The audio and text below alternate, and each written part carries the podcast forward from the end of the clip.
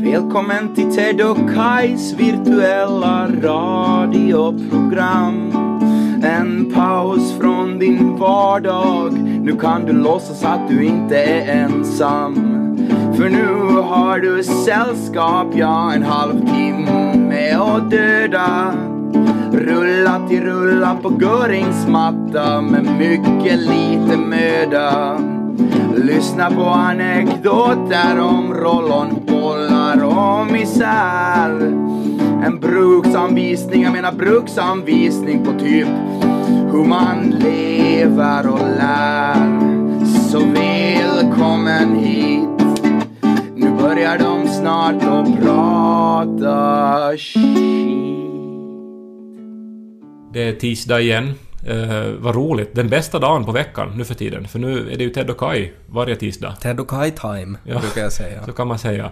Och eh, jag sitter här, jag heter Kai Korkeaho och mitt emot mig har jag Ted Forsström, min goda skäggiga vän. Det måste vi återkomma till tycker jag. Ja. Eh, och eh, det som ni hörde i början så var Axel Hanses förslag till signatur för den här podden. Som Axel har skickat in på tedochkai.yle.fi. TDOCHKAJ snabela yle.fi. Och vi hoppas ju att, att många gör som Axel nu och eh, sätter sig ner och eh, komponerar och hittar på en titelmelodi och sen ska vi se vilken vi sen börjar använda som vår slutgiltiga titelmelodi. Måste vi ha en slutgiltig titelmelodi? Nej, man kan ju byta från vecka till vecka också. Det är ju roligt tycker jag. tycker jag också. så här att det ska vara så här att på tisdag kan vad som helst hända. Tror du någon har någon gång sagt det? Att på tisdag kan vad som helst hända? Ja, men det är en så här ganska underskattad dag ändå.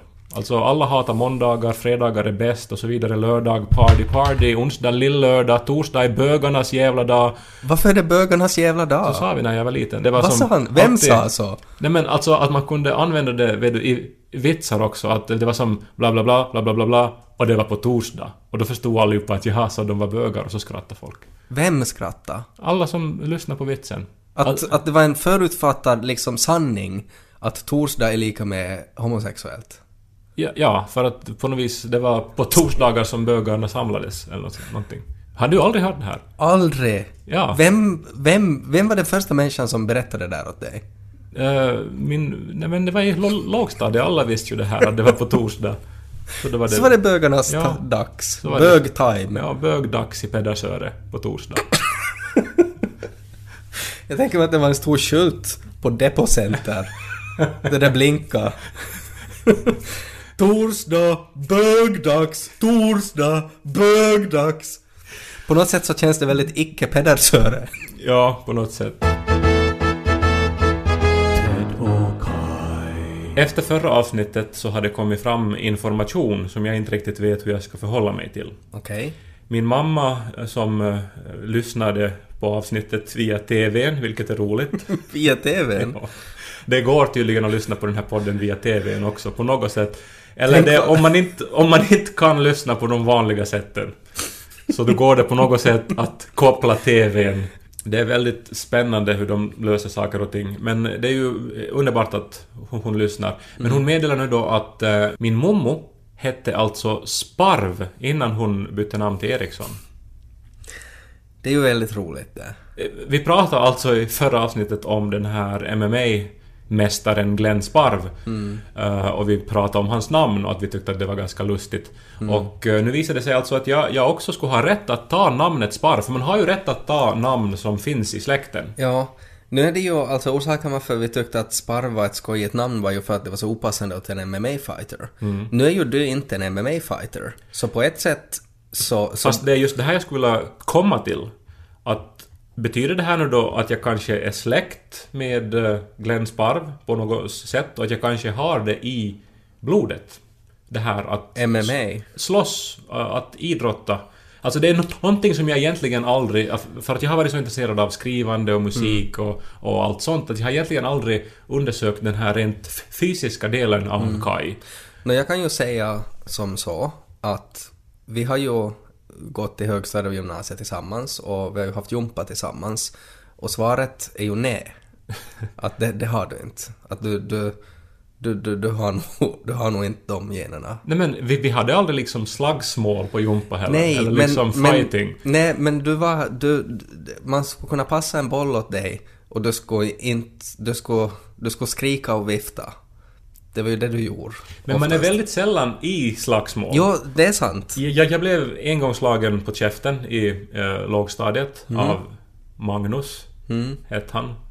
Säger kanske inte efternamnet nu då. Men han slog mig på käften och... eh, Mm. Vad har du gjort då för att... Nej, jag hade tror jag varit irriterande på något sätt. Och, så här. Och liksom jag, jag, jag blev ju så, så chockad av det här. Mm. Eh, och, och, så gjorde det också ont och så här det började liksom ringa i huvudet. Eh, så, så jag grät ju och skrek och så kom läraren och så, Ja. och så tog det slut där. Och, och där så skulle du, jag menar skulle du haft sparvgenerna så skulle du ha gjort en dansk skalle på honom och så skulle Magnus sitta i rullstol idag. Ja, men ändå så har jag aldrig riktigt som, vill du, hamna att försvara mig. Nej, det, det är faktiskt. eh, jag har aldrig varit i slagsmål. Men jag tror att jag skulle vara jättebra på det. Ja, men det är ju också typiskt dig, att du ju tror att om det skulle bli krig så skulle du vara en, en sniper genast. Du, alltså Nej, men utan någon utbildning så Nej, skulle men du jag bli bara tror, jag tror att en jag har... elit-sniper. Jag tror att, nej inte kanske lite sniper, men att jag tror, jag, på ett sätt så väntar jag ju att det ska bli en terrorattack på något så här allmänt transportmedel. För att jag vet att jag är den där personen som skulle stoppa det. Den tron baserar du ju helt och hållet på TV-spel, du har spelat så mycket dataspel. Jag har spelat väldigt mycket tv-spel och säkert har det också influerat det, men att jag har också varit med om sådana situationer, alltså när det handlar om sån här, eh, vad heter det, sån här flockbeteende. Att, eh, att, att man, en hel människosamling och ingen gör något. Men att jag är ofta den som, som inte skulle ha något problem att göra något. Att bara till exempel, om, om det är rött ljus och alla står och väntar och det kommer inga bilar, så är jag ofta den som går över vägen och så kommer alla med. Men det är ju bara att du är ett asshole. Det Nej, har inte utan någonting att det handlar om med- att jag bryter mig ur det här flockbeteendet. Och jag tror också att, det, att jag har liksom det här Jag har ju varit med om den här branden. Den där branden. Ja, Ja, det var, det var- du och din ex-flickvän Ja. som lekte med ljus Nej, och så började inte... gardinen Hon hade, brinna. hon, hade, hon hade ett stearinljus och gardinen började brinna. Och, och hon gjorde ingenting, helt gick totalt till lås. Medan jag, jag bara tog bort gardinen, satte på golvet och bara sa låt det brinna. Det brinner upp av sig själv. Och så gjorde det det. Alltså, på golvet? Ja, det brann, för det, brann, för det var så här jättekonstigt så här gardin och så här spets. Att det, bara, det brann jätte, jättesnabbt. Men på golvet? Du Nej, släckte det alltså inte? Alltså det, Nej men för det, det, gick, det, var inte någon, det var inte någon point att släcka det för att det, bara, det brann upp så snabbt. Att skulle vi ha försökt släcka det så skulle kanske det vi har försökt släcka det med också börja brinna. Men så baserat på det faktum att du har en gång eh, släckt en brinnande gardin och att du går mot rött så skulle du vara en... eh, Troligtvis. En, någon att räkna med om det blir krig. En street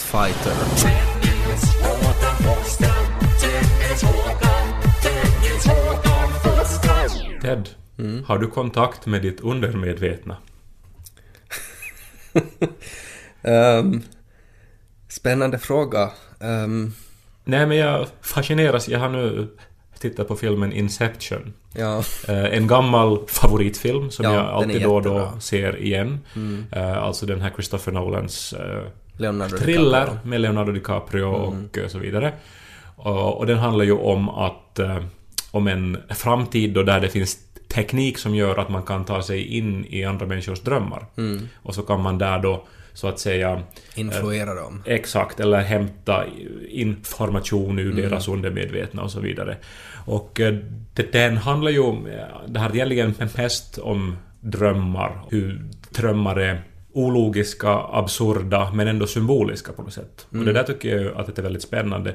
Eh, Det finns ju mycket drömforskning och eh, många motstridiga teorier, men i alla fall eh, de flesta psykologer är överens om att det på något vis är det omedvetna som tar sig fram till ytan i form av symboler. Ja. Och det gör ju att drömmar är hemskt spännande. Så är det ju. Och jag menar många gånger så kanske man inte vet varför man är deppig. Men sen om man drömmer om någonting så kan det då, för en psykolog så kan det ju komma fram att ja men att eftersom du drömmer om det där så tror jag att du är deppig för att du har så fula skor.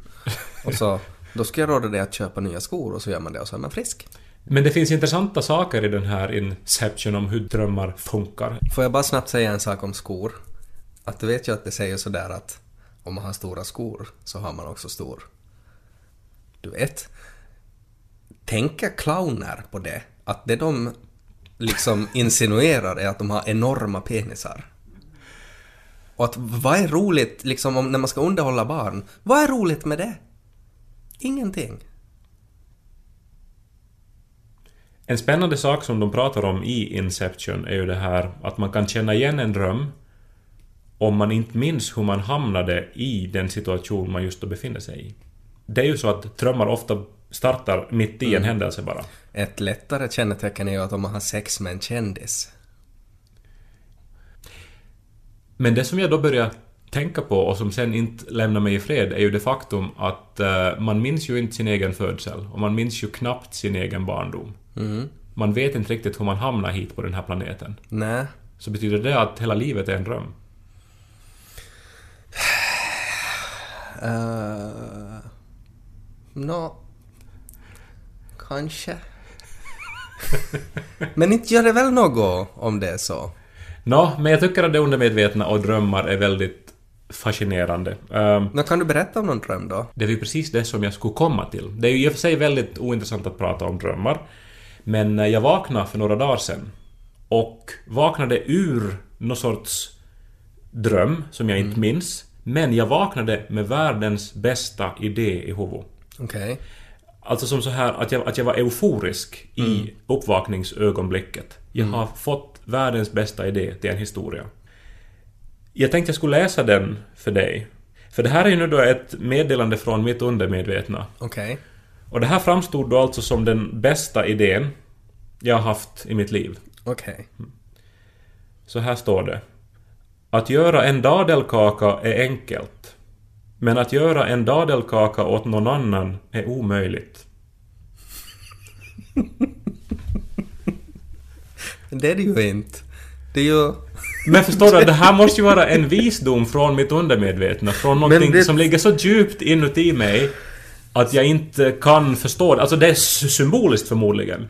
Men att göra en dadelkaka är enkelt, det håller jag med om. Det är bara att följa receptet.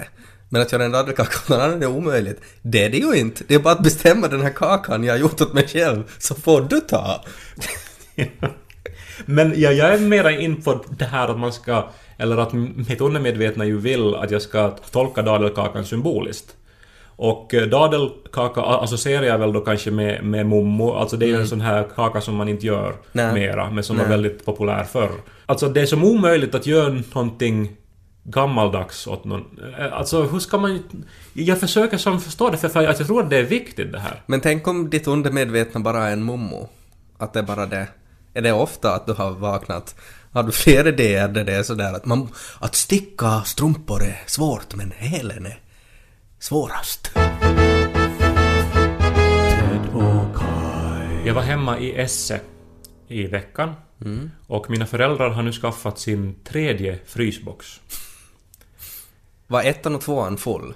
Det är det som är grejen ja. Att de har alltså två från förr, eh, helt normalstora frysboxar. Och, eh, men de är fulla. Eh, så nu har de skaffat en tredje.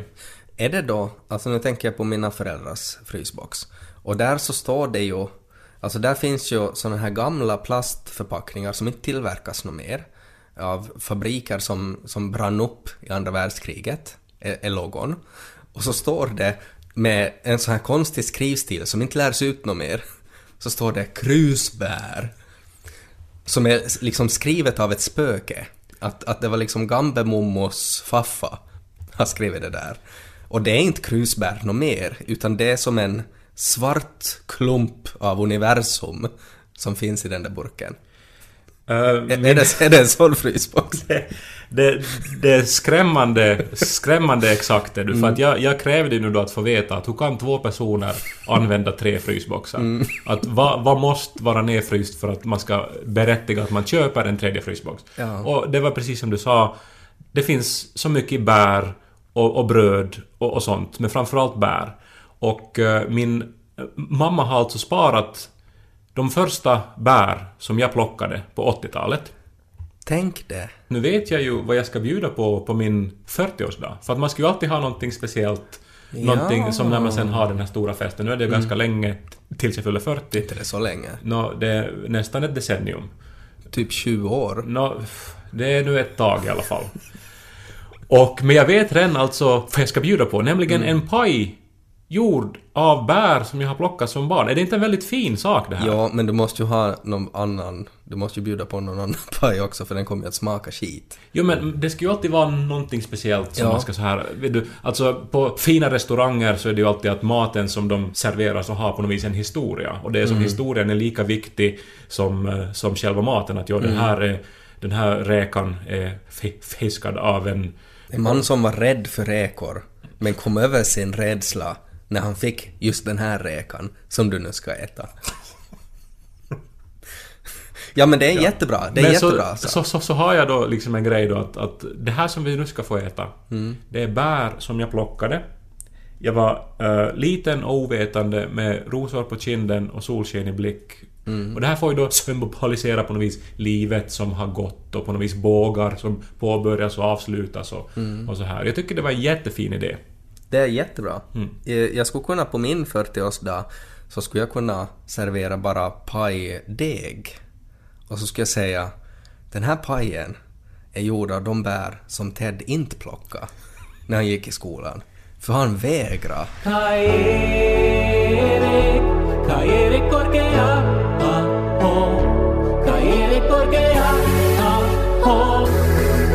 Kai ko, ko, ko, ko, korkea, ho. Jag var ute i mitt högstadium. Ja, Förlåt, till vårt högstadium. Vi gick i samma högstadium. jag tänkte ju säga att gick du bara ibland i mitt högstadium också? Nej, men jag var till, till vårt högstadium, Sursik Mm. skola. Hade fortfarande samma fula namn? Sursik skola, ja. Mm. Sursik säger en del, vi sa Sursik, men eh, den officiella benämningen tror jag är Sursik. Mm. På stafettkarnevalen ropar man ju nog S-U-R-S-I-K Sursik! Sursik! Jag är ju från den här tiden när pojkar inte fick vara med i hejaklacken. Nej, Det var otänkbart. jag är också från den tiden Kai. Ja, eh, men eh, det var otänkbart när vi gick då eh, i skolan. Mm. Så var det. Det har jag ändrat totalt. Idag är det nästan som att pojkar hellre är med där för att det är mycket läpphoggare. De har också börjat använda Dragsvik-slang i högstadiet. Det som jag tycker är intressant är att det fortfarande är en skola, att det inte bara är en stor idrottsarena. Ja, det var ju en kritik och en berättigad sådan för att det byggdes bara en massa nya idrottsarenor där omkring. Vi har två elever som tycker om jumpa, så därför ska vi bygga Colosseum åt dem. Ja men det var ju så här och på avslutningen så var det ju bara de som höll på med jumpa som fick stipendier och, och det, var, det var en massa pokaler delades ut och, och sen när någon någon gång dristade sig att hej skulle vi kunna få 50 mark för att fara på ett museibesök? Så då liksom Bara om ni springer Cooper samtidigt. ja slets det hår och ursinnet ville aldrig ta slut och det blev inga museibesök. Nej, men sen om det var som att någon som sa att vi skulle vilja få på en skidvalla-resa jorden runt. Och så säger det att ja, ni får 800 miljoner euro. Och David Beckham ska vara busschaufför. Det var vårt högstadium. Som, jag minns att det var så. Jag var ju och höll tal då i den här... eh, i gympasalen. Mm. Och jag kom in i rummet och det gjorde genast ont i knäna. Nej men alltså det här golvet. Alltså jag måste ha någon sorts djupliggande trauma för Du det här fick så här gympasalsgolvet. stig, stigmata, friktionssår. Ja, exakt att du, det började, alltså mina knän började lysa Mm. och sen liksom armbågarna liksom började på något så här, aj, det gjorde jätteont. Alltså det var de värsta såren när man ramlade och skrubbade Med, upp. medvetet planerat av en sadist. En, en, en skolarkitekts sadist. Som när han ska beställa golv så går han till Sadistfabriken AB och frågar vilket golv gör mest ont? Och så skrattar de och säger men alla golv gör ont här i Sadistfabriken. Men om du vill ha ett skoljumpagolv då ska vi rekommendera det här. Inferno XXX. Som också är dyrare per kvadratmeter tror jag. Säkert. För att så, så pass mycket har gått åt till att designa det för att det ska göra så ont som möjligt. Det investerade kommunen gladeligen i när det skulle installeras golv i För det hade, hade att göra med jump. Mm. Och där sprang man då och spelade innebandy. Och så ramlade man. Och jag tror jag har ännu kvar de här såren, tror jag. De, de läks inte heller. Men Kan man ha skrubbsår på hjärnan? Jag påtalade det här, men sen kom rektorn och sa att jo, men nu är golvet faktiskt utbytt för salen har renoverats. Ja. Men de har ju tagit samma golv! Det var, det var, det var kanske mindre skråmor. Det hade börjat göra mindre ont med åren, sadistgolvet. Så de märkte direkt att nu måste, vi, nu måste det här fixas nytt. Sätt mera spikar. Du har säkert märkt att jag har lite längre skägg än vanligt. Ted, eh, det här är intressant för att jag, att jag har ju reagerat väldigt starkt på det här och att eh, dels eh, så, så väcker det eh, avund i mig för att jag inte har någon skäggväxt. Och sen också måste jag säga att jag tycker du, du klär väldigt bra det här. Du liknar lite Shia LaBeouf, gör du. Är det en bra sak? Det tycker jag. Det tycker jag. I vilken film pratar du om då? För han har väl inte skägg? Vi pratar om den här videon till den här Sia-låten där han är i en bur tillsammans med den här Maddie Ziegler. Okej. Jag har inte sett den. Du ska titta på den. Okej. Ehm, nej, jag, har en, jag, jag är lite sådär osäker nu att, att det bara ledde till att jag inte orkar raka mig. Så det har inget att göra med den här månaden som nu inleddes, Movember, Nej, jag har aldrig helvetet. deltagit i Movember. Jag tycker att för sådana som, som mig som har väldigt riklig skäggväxt så behöver vi inte delta i en sånt, sån här ploj.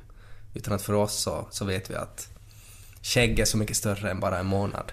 Brukar jag säga. Skägg är så mycket större än bara en månad. ja, Det- vilken t-shirt det skulle bli. Ja, ja. Ja, fritt fram att använda.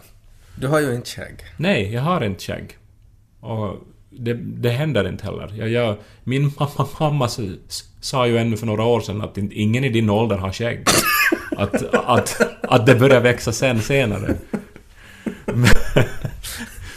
Och, På ditt 30-årskalas. ja men jag hade ju vänner det. som hade skägg redan i högstadiet. Du hade ju skägg, det var nu inte, inte så här... Jag hade en liten mustasch när jag var 15. Du hade en mustasch. Du, du var en av de här som... som det stämmer. Du var, det, var, det var några som hade mustasch för att de inte förstod att man skulle ta bort den. och det men- var en sån här fjunmustasch. Ja men det är en svår, det är alltså en, en, en väldigt svår övergång där. I att när, att man har fjun och att det på något sätt symboliseras, liksom att det blir en mustasch först när man rakar bort det. Du vet ju inte hur det är att kyssa och, och hångla med någon som har skäggstubb. Nej, jag har inte gjort det. Just att man som ser ut, vet du, som, som om han skulle ha dragit munnen på ett sånt här gympasalsgolv. Att det är som brännsår runt munnen. för, att, för att alltså simulera det så kan man ta sandpapper och göra liksom så här Det, munnen. det är ett öppet sår på läpparna och ända upp till näsan liksom. Mm.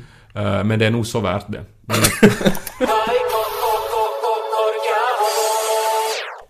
Men, Ted, när du då som barn märkt att nu börjar det växa hår i mitt ansikte, Alltså i ditt ansikte eller mitt? i ditt ansikte. Ja. Du har ju inte ännu kunnat märka på mig, för det har inte ännu börjat Nej, jag hända. väntar ännu. Men när du märkte det, Ja. eh, hur reagerade du? Ehm, jag reagerar egentligen inte alls, utan jag tror att jag lite förträngde det. Att det var aldrig så där att jag skulle ha konstaterat att Åh, vilken ståtlig mustasch. Nej. Utan att det var bara, det var pinsamt. Det. Ja, exakt. det Men var du, superpinsamt. du försökte inte göra någonting åt det. Nej, jag tänkte att det, det, det, det fixar väl nog sig av sig själv. För jag har ju ingen, alltså ingen hår i ansiktet, men till exempel under armarna så började det nog växa när jag var kanske 11 än. Mm. Och eh, jag trodde att det var något fel på mig. För att jag var den enda i klassen. Men trodde du faktiskt att det var något fel på dig? Ja, hade för- du aldrig stött på fenomenet hår under armarna tidigare? Nej men jag fann det besvärande, du vet speciellt när man skulle tuscha efter jumpan och så Ja. det inga andra pojkar hade, hade Mm. hår någonstans. Och så började jag liksom ha lite här och där. Och Mm. jag löste ju det här genom att slita bort det. Gjorde det? Ja, inte klippa, inte raka, utan slita. Ungefär Alltså, som att jag straffar mig själv. Ett hårstrå i taget? Ja. Och sen kom det ju nya hela tiden och det började komma allt mer. Och jag satt i mitt rum och satt uppe ofta sent på kvällarna och slet ut ett efter ett. Oj. Eh, Men du har inte gjort någonting sånt här? Nej, nej det där är ju nog alltså, du tyckte ju att det var jättejobbigt då. Men hon förstod väl konceptet med pubertet och sådär att, att Men det var väl ungefär i femman som man hade i, liksom i skolundervisningen, så jag hade ännu kanske inte... Alltså, på något plan så antog jag att det inte rörde mig, vet du. det här med åldrande, nej, känns inte som min grej det. Så men- flög du iväg till Never Never Land. Nej men det var, det var någon sorts straff för mina synder. Ja, för det var Jesus skägg som pressades ut genom dina porer. Ja. Nej men, eh, jag minns ju att det var, det var ju min mor som, som en morgon eh, sa att, att Ted, att du kan ju innan du får till skolan så kan du ju eh, raka dig under näsan. Var det så hon liksom hanterade att hennes son hade hamnat i puberteten? Ja. Att hon som, hon så här casually bara ungefär Ja. som om inget skulle ha hänt. Mm. Fast det var ju, det var ju inte, jag hade nog hamnat i puberteten lite tidigare tror jag då. Ja, Att det var inte liksom det, men att det var en sån här grej att nu, nu, nu ska jag raka mig då. okej. Men hon sa det inte som att, liksom att vad har du gjort, nu ska du straffas. Nej, Nej. nej. Och inte heller på något sätt sådär som en kul grej att nu har jag bakat en mustaschtårta åt dig. För det är din dag idag. Jag minns av alla mina vänner så var det ju du och så en Daniel som hade liksom mest skägg. Mm. Och ni var, var båda två typ mina närmaste vänner. Mm. Och, eh, och så var jag så, så hårlös och som, så olycklig. Ja men kanske var det medvetna, alltså ditt undermedvetna där, din mommo undermedvetna, som då visste att okej, att Kais enda hopp är cheerleader-effekten. Att om du umgås med karlar med skägg, så då är det som att du skulle ha skägg också. Att till sist så ser ingen liksom skillnad på mig och de jag umgås med. Nej. Så det är som, och där är de där med skägg, fast Ja. de, de hockar inte att en är utan. Precis, det är tre människor. Till exempel är kanske en av CC Topp är helt renrakad. Men ingen har märkt det. Det är han ju, han heter ju Frank Beard också. Det är väldigt roligt med det bandet. Okej, det var skoj.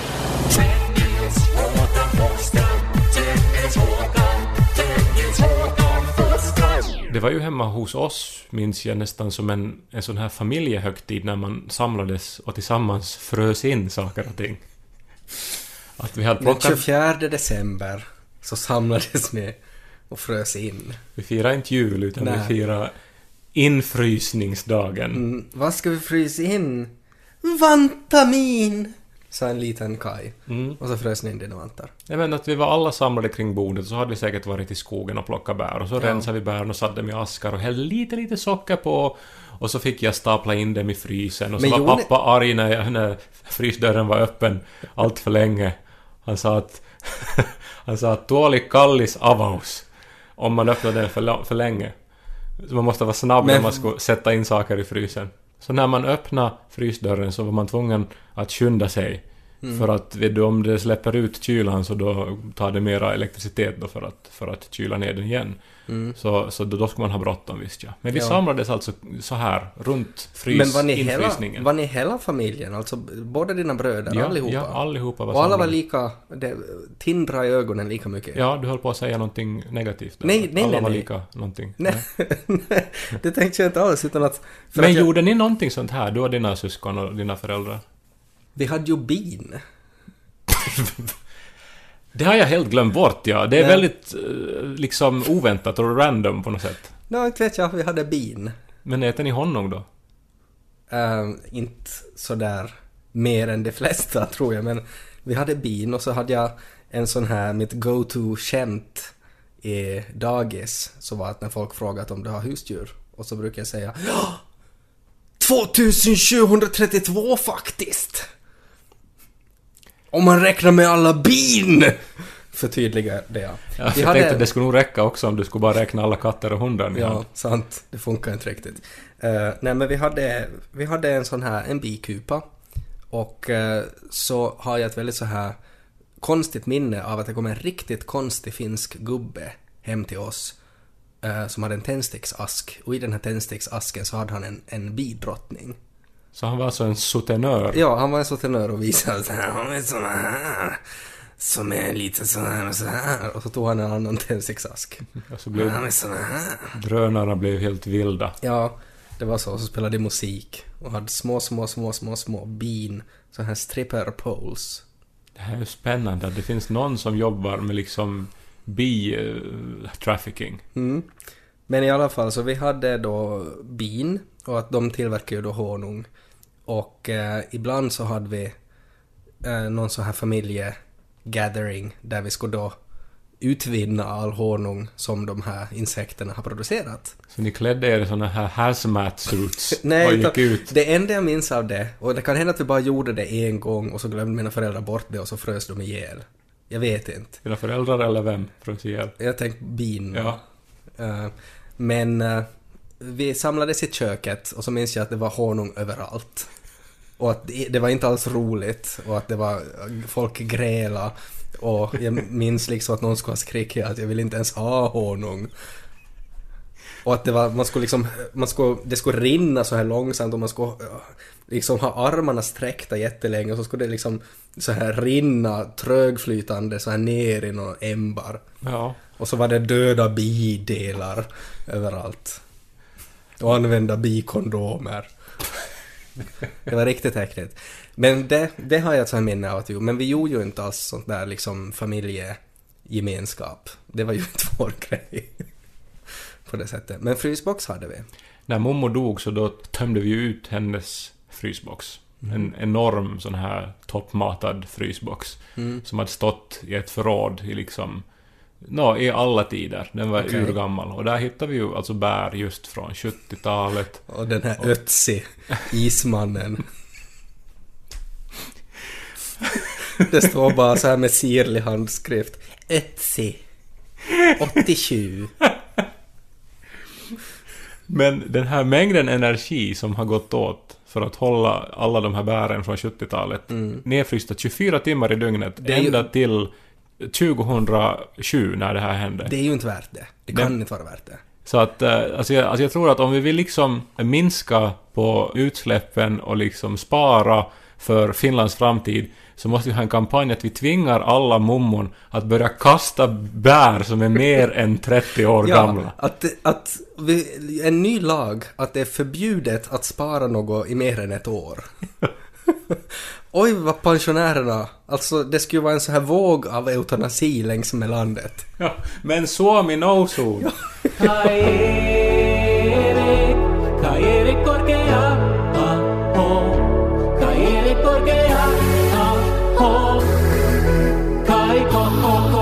korkea, ho. Förlåt Kai, men jag har lite svårt att släppa det här. Eh, som, du sa, som du inledde programmet med. För mig så har torsdag alltid varit ärtsoppa och pannkaka. det har inte varit bögdagen. Kan du på något sätt utveckla det här konceptet med att torsdag är en bögdag? Jag tror att det var det, vet du, att när vi var små så ännu så fanns det ju inte communities på internet. Det fanns inga, inga appar, inga grinder där bögar kunde träffas och så här. Nej. Så man hade ju sina ställen, bögarna då, där de träffades. Och, och så hade de, vet du, säkert tidpunkter också så att de skulle som koordinera sina träffar. Så då var det säkert på torsdag då, så då sågs man i storskogen i, Men hur, har den här infon kommit åt småbarn? Att det var liksom ett skämt att... Nej, jag trodde ju att det här var allmänt, ja, det var på något vis torsdagar, så då, då, då bögades det ut i skogen. Men var du ett så bögigt barn då att du fick brev någon dag och så stod det Hej, välkommen till homoklubben i Pedersöre. På torsdagar så bögar vi till det. Eftersom det ju är bögdagen.